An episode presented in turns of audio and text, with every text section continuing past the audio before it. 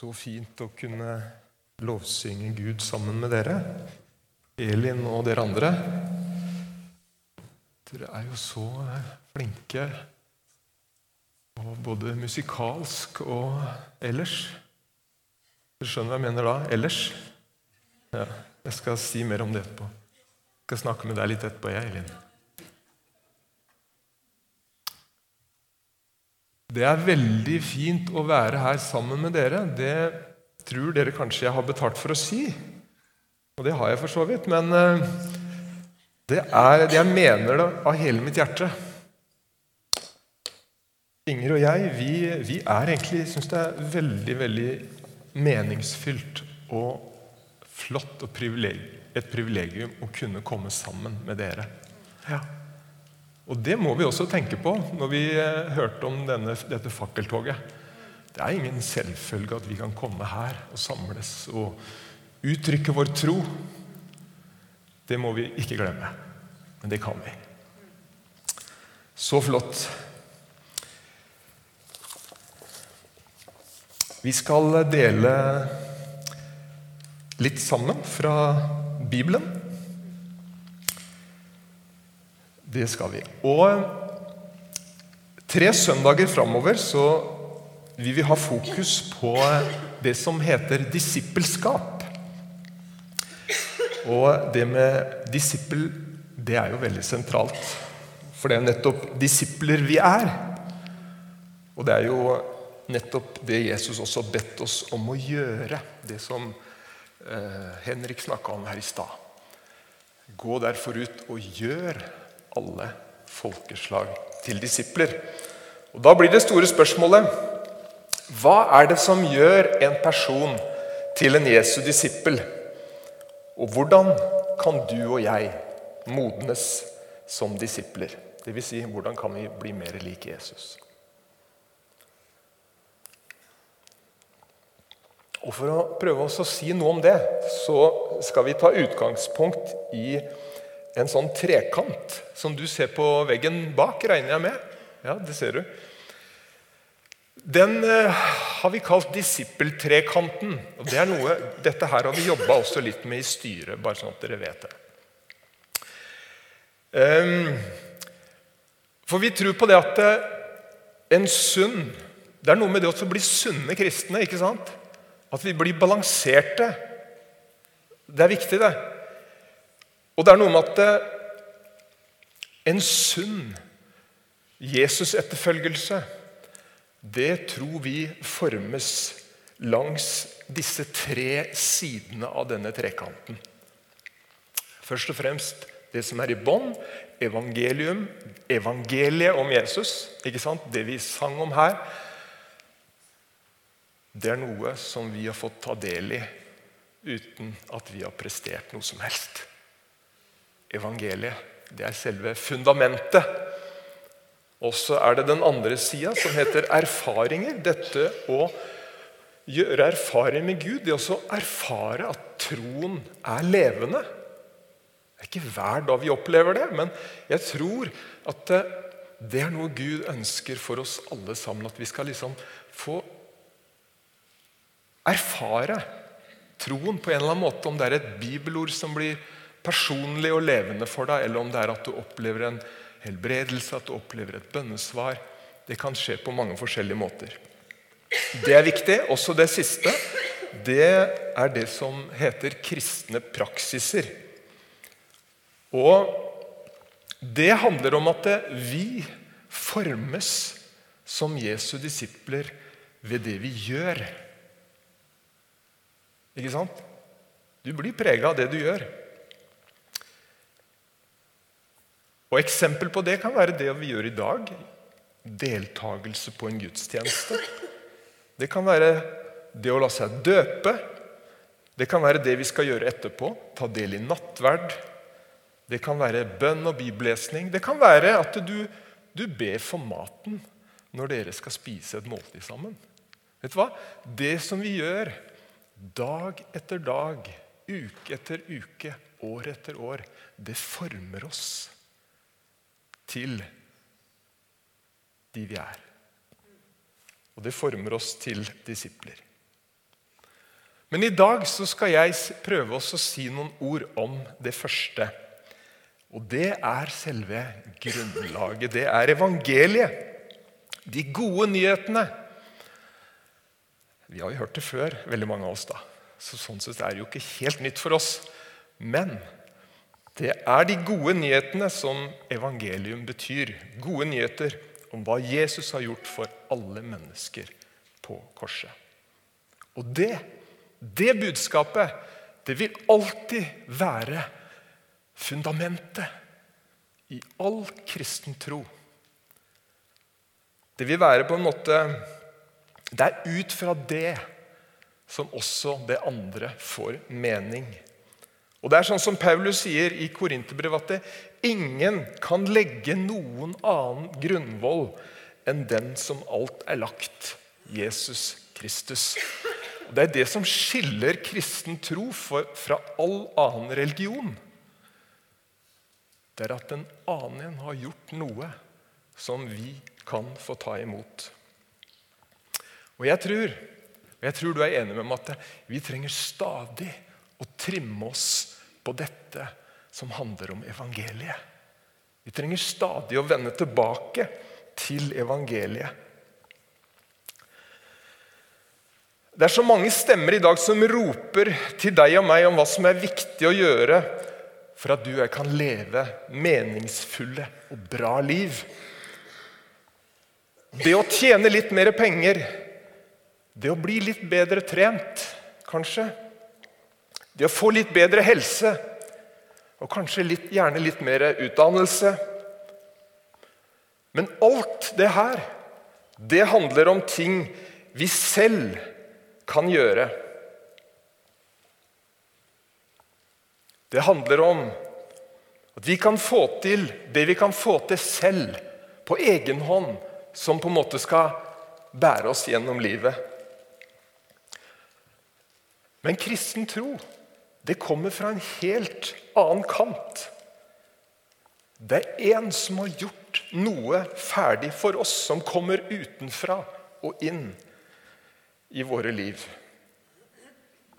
Og det å være kristen det er å leve ut ifra det Jesus har gjort. Dette var ikke helt nytt. Var det det? Ja, kanskje. Jeg håper det er noen her som ikke har hørt det før. Og det er evangeliet. Det er å leve ut ifra det Jesus har gjort. Og jeg tror Evangeliet det er det som kan forme vår Jesus-etterfølgelse mer enn noe annet. Det er det grunnlaget som alt bygger på. Og det er ikke uten grunn at Johannes 3, 16 er eh, Som kanskje er evangeliet i, i konsentrert form. Er det ordet som de aller fleste Eller i hvert fall det ordet som flest kan utenat. Skal vi ta det sammen?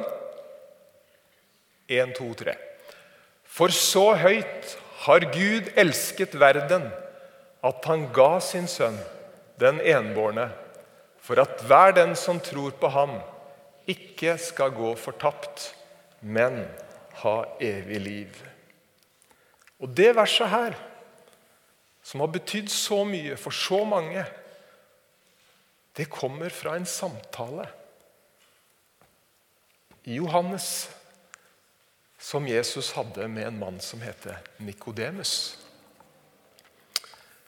Og Det er på en måte første gangen, i hvert fall i Johannes evangeliet, som evangeliet blir presentert for en person i møte med Jesus. Det er denne talen. Ikke talen, det er denne samtalen som vi finner i, i Johannes eh, kapittel 3. Det er Nikodemos sitt møte med evangeliet. Og det jeg skal si nå, den lille talen jeg skal ha i dag, den har tre punkter. Det første det er problemet. Det nummer to er løsningen, og det siste er forandringen. Da vil jeg lese eh, teksten for dere. Jeg har ikke den på skjerm, for det er litt flere vers. Men dere orker å høre på litt bibelvers? Ja. Dere er litt uh, diffuse for meg i dag, men dere er her, ikke sant? Er dere her? Ja, supert. Noen har Bibel òg. De klarer kanskje ikke å lese inn fordi det er for mørkt. Nå skal vi lese fra kapittel 3 Johannes, vers 1-8. Det var en mann som het Nikodemus. Han var fariser og en av jødenes rådsherrer. Han kom til Jesus om natten og sa, 'Rabbi, vi vet at du er en lærer som er kommet fra Gud.' For ingen kan gjøre de tegnene du gjør, uten at Gud er med ham. Jesus svarte, 'Sannelig, sannelig, jeg sier deg:" Den som ikke blir født på ny, kan ikke se Guds rike. Hvordan kan en som er gammel, bli født, sa Nikodemus. Kan noen komme inn i mors liv igjen og bli født for andre gang? Jesus svarte, sannelig, sannelig, jeg sier deg, den som ikke blir født av vann og ånd, kan ikke komme inn i Guds rike. Det som er født av kjøtt, er kjøtt, men det som er født av ånden, er ånd. Undre deg ikke over at jeg sa til deg, dere må bli født på ny. Vinden blåser dit den vil, du hører den suser, men du vet ikke hvor den kommer fra, og hvor den farer hen. Slik er det med hver den som er født av Ånden. Og så leser vi fra vers 14 til 16. Og slik Moses løftet opp slangen i ørkenen, slik må menneskesønn bli løftet opp, for at hver den som tror på ham, skal ha evig liv. For så høyt har Gud elsket verden at han ga sin sønn den enbårne, for at hver den som tror på ham, ikke skal gå fortapt, men ha evig liv. Og den eh, historien her, det møtet her mellom Nikodemus og Jesus, det foregår på natta. Og jeg tror at Nikodemus valgte å snakke med Jesus på natta fordi han var redd for at andre, og særlig de han var sammen med, eh, blant de lærde menn, blant fariseerne, skulle få greie på det. Jeg tror det. Men det, Han var redd for at dette skulle bli kjent, ja. Men det som er morsomt, da, det er at det, det verset her det er det som har blitt mest kjent i hele Bibelen. Bare sånn, Det var litt morsomt, ikke sant? Jeg bare tok den med. Hvem var, hvem var egentlig Nikodemus? Det står at han var fariseer, og han var rådsherre. Og så var han også lærer. Han var egentlig en, en Han var helt i toppen, for å si det sånn, i Israel. Han var også medlem av de som styrte i Israel. Han var en del av, av jødenes politiske og religiøse lederskap. Han var en flink mann, helt sikkert skolert. Men det var et problem. Han hadde et problem. Fariseerne på Jesu tid var veldig opptatt med å finpusse på, på fasaden. At det skulle se ordentlig ut. De var opptatt av å bli sett opp til, og de var opptatt av å bli beundret. Og Nikodeus var en av dem. Vet ikke om du klarer å kjenne deg igjen på han? Det er ikke sikkert. Men jeg tror det er noe, egentlig noe menneskelig ved det.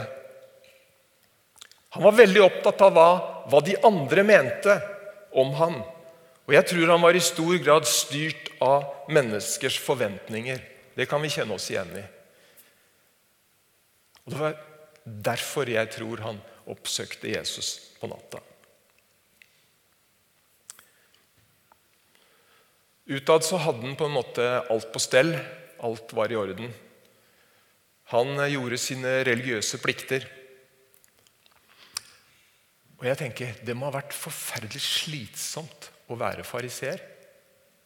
De skulle følge loven, men i tillegg til loven så hadde de laga masse regler og forordninger som de også måtte holde. Så det er klart det her var slitsomt. Noen ganger kan kristenliv også for noen blir litt slitsomt. Om ikke vi har disse lovene og reglene, så, så tror jeg vi kan kjenne oss noe igjen. Vi kan noen ganger havne i sånn at ting kreves av oss, ting kreves av oss.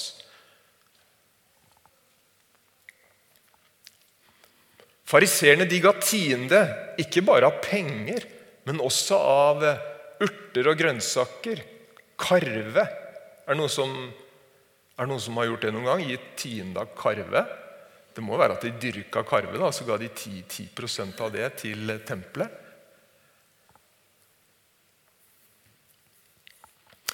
Jeg tror at Nikodemus han, han, var rimelig fornøyd med, med livet han klarte å leve. Og vet du hva? Det er, det er en del mennesker også i dag som tenker at Å ja, jeg har gjort så godt jeg kunne. Og jeg har bedt Fader vår hver kveld. Så jeg håper det holder. I forhold til evigheten, i forhold til Gud. Vet du hva? Sannheten er at det holder ikke. For uten Jesus så er alle mennesker fortapt. Det er sannheten. Det er umulig for selv den beste å frelse seg selv. Men det er mulig for selv den verste å bli frelst av det Jesus har gjort. Jeg vet ikke om du la merke til det, men Legg merke til hvordan Nikodemus møter Jesus på en sånn en særdeles høflig og aksepterende måte. Og Det er akkurat som han liksom prøver å blidgjøre Jesus i håp om å få Jesu aksept på en måte om at uh, han er god nok. Hør hva han sier. Rabbi, sier han. Vi vet at du er en lærer som er kommet fra Gud. For ingen kan gjøre de tegnene du gjør, uten at Gud er med ham. Det er flott sagt. Han fremstår jo nesten som en trone. Og han forventa kanskje at Jesus skulle si noe sånn som at ja, Nikodemus, jeg har lagt merke til det flotte livet du lever.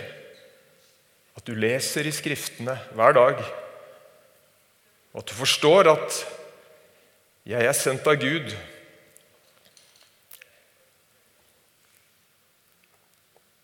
Det sier ikke så lite om deg. Dette er innafor Nikodemus. Men Jesus sa ikke det. Nei, hva svarer Jesus? Vet du hva? Han, han rører ikke, han enser ikke det Nikodemus sier i det hele tatt.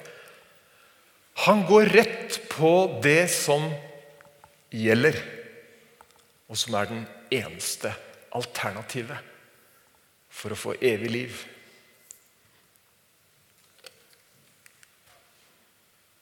Da skal vi det var, Jeg hoppa over det første punktet på skjermen her. Da skal vi gå rett på løsningen.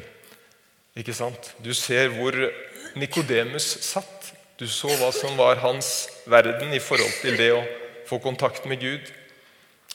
Men Jesus han går rett på løsningen. Og det er akkurat som I denne samtalen med Nikodemus så er det akkurat som Jesus sier, 'Stopp, Nikodemus! Hør her, det holder ikke. Så sier han sannelig, sannelig.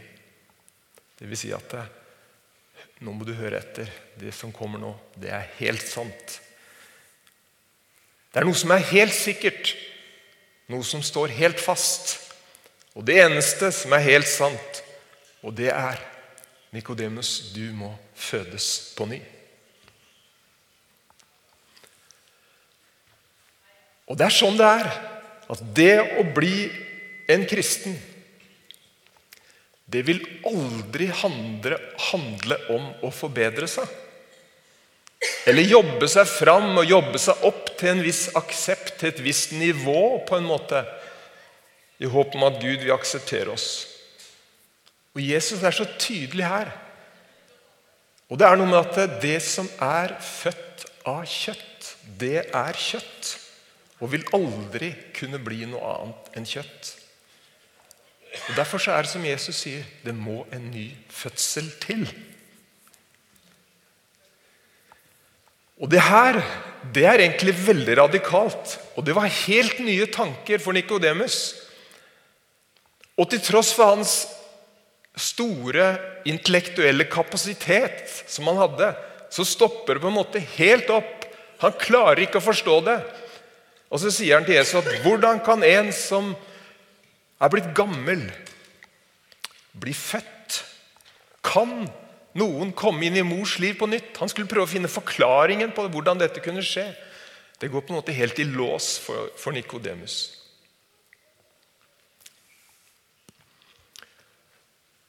Og det er noe med at vi må fødes på nytt. Du, Nå har Inger og jeg blitt besteforeldre. Det tror jeg noen av dere har fått med dere. Det er umulig å holde skjult. Vi har akkurat opplevd hva det vil si med en ny fødsel. Og det er fantastisk stort. Jeg trodde ikke det var så stort. og Det er ikke bare fordi jeg er liksom bestefar. Men det er noe med det nye livet.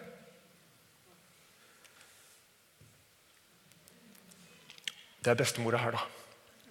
Det ser dere. Det er noe med det nye livet. og Det er, det er på en måte det er, så, det er, et mirakel. Og du kan si at Når de er så små som det her, så de gjør jo nesten ingenting. Det er så vidt de lukker opp øynene en sjelden gang. De sier ingenting. De sover, de spiser, og de gjør i buksa eller i bleia. Men allikevel det er noe med det nye livet. Det er så stort. Det er så fascinerende. Og jeg har tatt meg sjøl i at jeg kan sitte og se på det lille det lille barnet. Og så bare se om jeg får øyekontakt. Og, og liksom Det er noe spesielt. Det skjønner dere.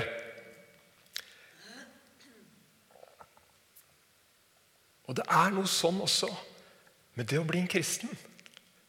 Det er et nytt liv som er født på innsida av deg og meg når vi sier ja til Jesus.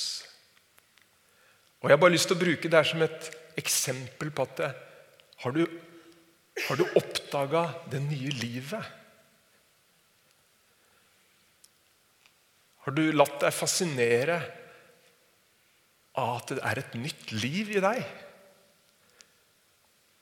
For det er det som Jesus snakka om, at du er født på ny.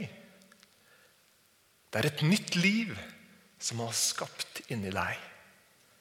Og så er det jo så fascinerende da, at eh, med den lille jenta her Hun bor i Oslo, så vi ser henne ikke hver dag. Men vi har sett henne omtrent ukentlig, eh, mer eller mindre nå. Og så ser vi at for hver uke som går, så kikker vi på henne og så ser vi at det har skjedd forandring. Vi ser mer av det livet, av det miraklet som ligger der, som vi ikke forstår.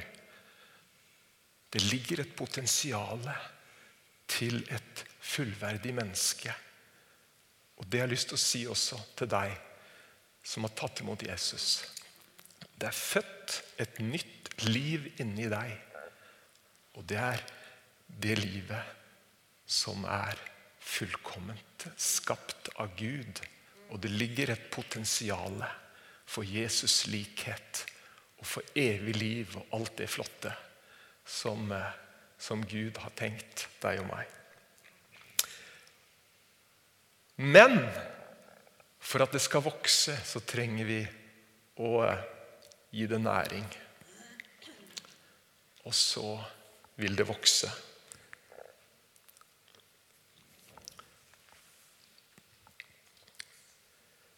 Til slutt så stiller eh, Nikodemus det spørsmålet hvordan kan dette skje? Hvordan kan dette skje? Og vi skal, vi, skal liksom, vi skal, forklare alt noen ganger. Vi skal, vi skal ha svar på alt. Men det er ikke alt i forhold til troen som vi forstår. Men når han stiller det spørsmålet, hvordan kan dette skje, så introduserer Jesus ham for det som er alle menneskers eneste alternativ for å få del i det livet som Jesus kaller for evig liv. Det er troen på Jesus og hans stedfortredende død. Og Jesus forklarer hvordan det kan skje ved å minne Nikodemus, som kjente Gamletestamentet veldig godt. Han minner han på en historie fra 4. Mosebok som han helt sikkert hadde kjent til, kjente til. Og Den historien handler om hvordan eh, folket som var i ørkenen, blir bitt av giftige slanger, og veldig mange dør. Og så skjer det at eh, Gud sier til Moses du må lage en kobberslange, og så må du henge den opp på en trestaur. Og Medisinen er det at alle som løfter hodet, ser opp på den, de blir friske. Alle som gjorde det, de opplevde å bli friske. Uansett om de var snille eller slemme, om de var gjerrige eller om de var sjenerøse. Er ikke det et spennende bilde? i Gamle testamentet. Det var på en måte det som Jesus forklarte troen med til Nikodemus. De skjønte ikke hvordan dette kunne gå til. De bare gjorde det. Og de som gjorde det, fikk oppleve det. Det er det samme i dag. Tro handler ikke først og fremst om å forstå. Det handler om å gjøre det Jesus har sagt. Arne Øystein har sagt et eh, veldig godt sitat. Elin, kan du fortelle faren din at jeg har referert den på? Han sier at det, vi tror mer enn det vi forstår. Det er bra sagt. Nå er ikke løsningen lenger en kobberslange, men Jesus selv. Og Så sier Jesus det som vi leste i stad. Og slik Moses løftet opp slangen i ørkenen, slik må menneskesønnen bli løftet opp, for at hver den som tror på ham, skal ha evig liv. Jeg tror ikke Nikodemus på det tidspunktet her skjønte hva Jesus egentlig snakka om. At Jesus snakka om sin egen død, og at han skulle dø på et kors. Men tre år seinere, cirka det, så er det nettopp det som skjer. Jesus blir løfta opp på et trekors. Men ved å si det Jesus sier, så forklarer Jesus samtidig noe om hva tro er.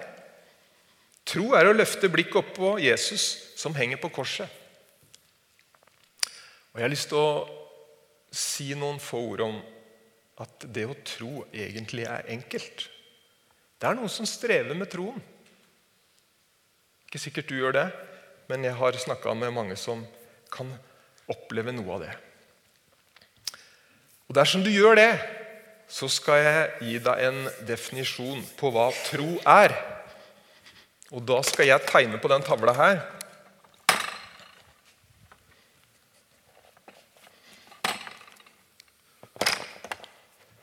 Alle ser den tavla her nå. Og det her er fra en søndagsskoleklasse. Nå skal dere høre. Læreren skulle ham tro. Og så spør han om noen kan tenke seg å skrive 'tro' på tavla. Og Så kommer det en liten gutt opp. Han har akkurat uh, gått på skolen og akkurat lært å skrive, så han er ikke veldig flink, men han klarer det. Og Så skriver han 'tro', og så gjør han sånn.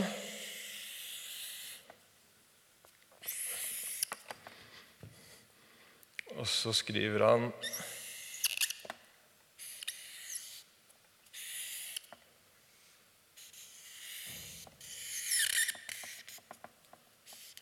Noe sånt. Alle klarer å se. Og så spør søndagsskolelæreren er det noen her som kan lese det som står på tavla. Og så er det ei lita jente som rekker opp hånda. Og Så spør læreren hva står det på tavla. Og så sier hun der står det 'ro bak et kors'. Ro bak et kors. Vet du hva? Jeg syns den er så nydelig. At tro, det er ro bak et kors. Det er ikke strev. Men det handler om hva Jesus gjorde for oss på korset. Og på grunn av det så kan vi ta imot. Og så kan vi få erfare fred. Guds fred. Og Det er derfor også Paulus alltid når han møter de kristne, så sier nåde være med dere og fred fra Gud, vår far. Vet du hva? Det er evangeliet. Og det er det her som Nikodemus hører for første gang. Vi har hørt det før. Vet du hva? Dette er gode nyheter for en fariser som strever vettet av seg for å klare å holde reglene. For å klare å prøve å nå opp til Gud, sånn at Gud kan være fornøyd med ham. Også det siste punktet forandringen. Nå skal jeg prøve å være rask. Det har gått kanskje tre år. Plutselig så dukker Nikodemus opp på arenaen igjen.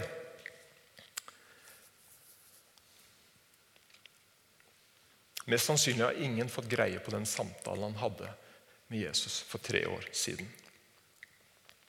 Men det Jesus sa den natta, vet du hva? det har fulgt Nikodemus hele tida etterpå. Jeg tror ikke Nikodemus skjønte hva Jesus egentlig mente da han snakka om denne kobberslangen i ørkenen som ble reist opp. Men nå har det skjedd, og Nikodemus har vært der. Han har sett opp på Jesus der Jesus henger blodig på dette korset. Forslått og ødelagt. Og Det er helt tydelig at det har skjedd noe på innsida i Nikodemus sitt liv. Det er akkurat som polletten på en måte har falt ned. Og jeg tror at Nikodemus må ha opplevd noe av det som Jesus har sagt, og som han hadde sagt. Født på nytt. Født av Den hellige ånd. Og så er det denne historien da, om Nikodemus og en annen disippel, som også var disippel i hemmelighet, for han var også redd for at det, hva andre skulle si. Plutselig så er de der på Golgata. Og for å si det sånn, De tar en stor risiko ved det de gjør. Men de velger å gjøre det allikevel. Vet du hva? Det er noe nytt over Nikodemus. Jeg tror det budskapet til Jesus har gjort noe på innsida av livet hans. Det er ikke lenger noen som krever dette av ham, men han har fått tak i noe levende. Livet. Vet du hva de gjør? De går til Pilatus og så ber de om å få ta Jesu, fra, Jesu kropp ned fra korset. Og Du kan lese om det i Johannes kapittel 19. Der står det om dette. Og så stiller jeg spørsmålet hva har skjedd med Nikodemus? Det er ikke lenger menneskefrykten som styrer livet hans. Nå tror jeg Nikodemus har opplevd det som Jesus snakka om for tre år siden. Det har begynt å påvirke ham til å leve annerledes. Hva var det Jesus hadde sagt? Ånden blåser dit den vil. Du hører den suse. Du vet ikke hvor den kommer fra, eller hvor den farer hen. Slik er det med hver den som er født av Ånden. Tenk at Nikodemus nå sammen med den andre disippelen faktisk fikk være med å oppfylle et profetord fra profeten Jesajas om at Jesus ble lagt i en rik grav. Jeg tror ikke de skjønte det helt sjøl, at de var med på noe stort. Men vet du hva? Den hellige ånd hadde begynt å virke på ham. Forandring, ja. Tenk at Nikodemus, som hadde vært så selvopptatt, som stadig ønska å bli sett av andre og bli beundra for det flotte livet han levde Nå, vet du hva? Nå står han der. Og han ser opp på Jesus. Ser du forandringen? Kanskje han har blitt en tilbeder. Fariseerne som Jesus tidligere hadde refsa for deres grådighet og mangel på sjenerøsitet. De spiste enker ut av huset, var det ikke noe sånt Jesus sa til dem? De var grådige. Men vet du hva? her møter vi en sjenerøs Nikodemus. Det står i kapittel 19. Jeg leser det ikke, men det står at Nikodemus hadde kjøpt med seg salve, myrra og allø, tror jeg det het. Vet du hvor mye det var? Over 30 kilo. Og Det var mye mer enn det som vanligvis ble brukt i en vanlig gravferd. Det ligna mer på den mengden som man bruker når man skulle, gjøre, når man skulle gravlegge konger. Hva var det som hadde skjedd? Kanskje han hadde forstått at Jesus var noe mer enn bare enn et menneske. Men at han var Messias-kongen, Guds sønn. Nå skal jeg avslutte. Vet du hva jeg tror? Jeg tror Nikodemus hadde opplevd evangeliets forvandlende kraft i livet sitt. Hva kan vi lære av det som vi har snakka om nå? Vi kan lære at eh, vi har ingen sjans uten Jesu død. Å være kristen handler ikke om å forbedre seg. Det handler om en ny fødsel. Et helt nytt liv. Vet du hva? Det er evangeliet. Vi kan også lære at det er enkelt å tro. Hver den som så opp på kobberslangen, fikk leve.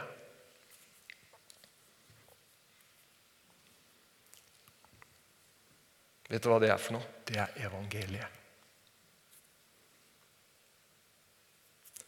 Det siste som jeg har lyst til å si Du som har tatt imot Jesus, regn med Den hellige ånds påvirkningskraft i livet ditt.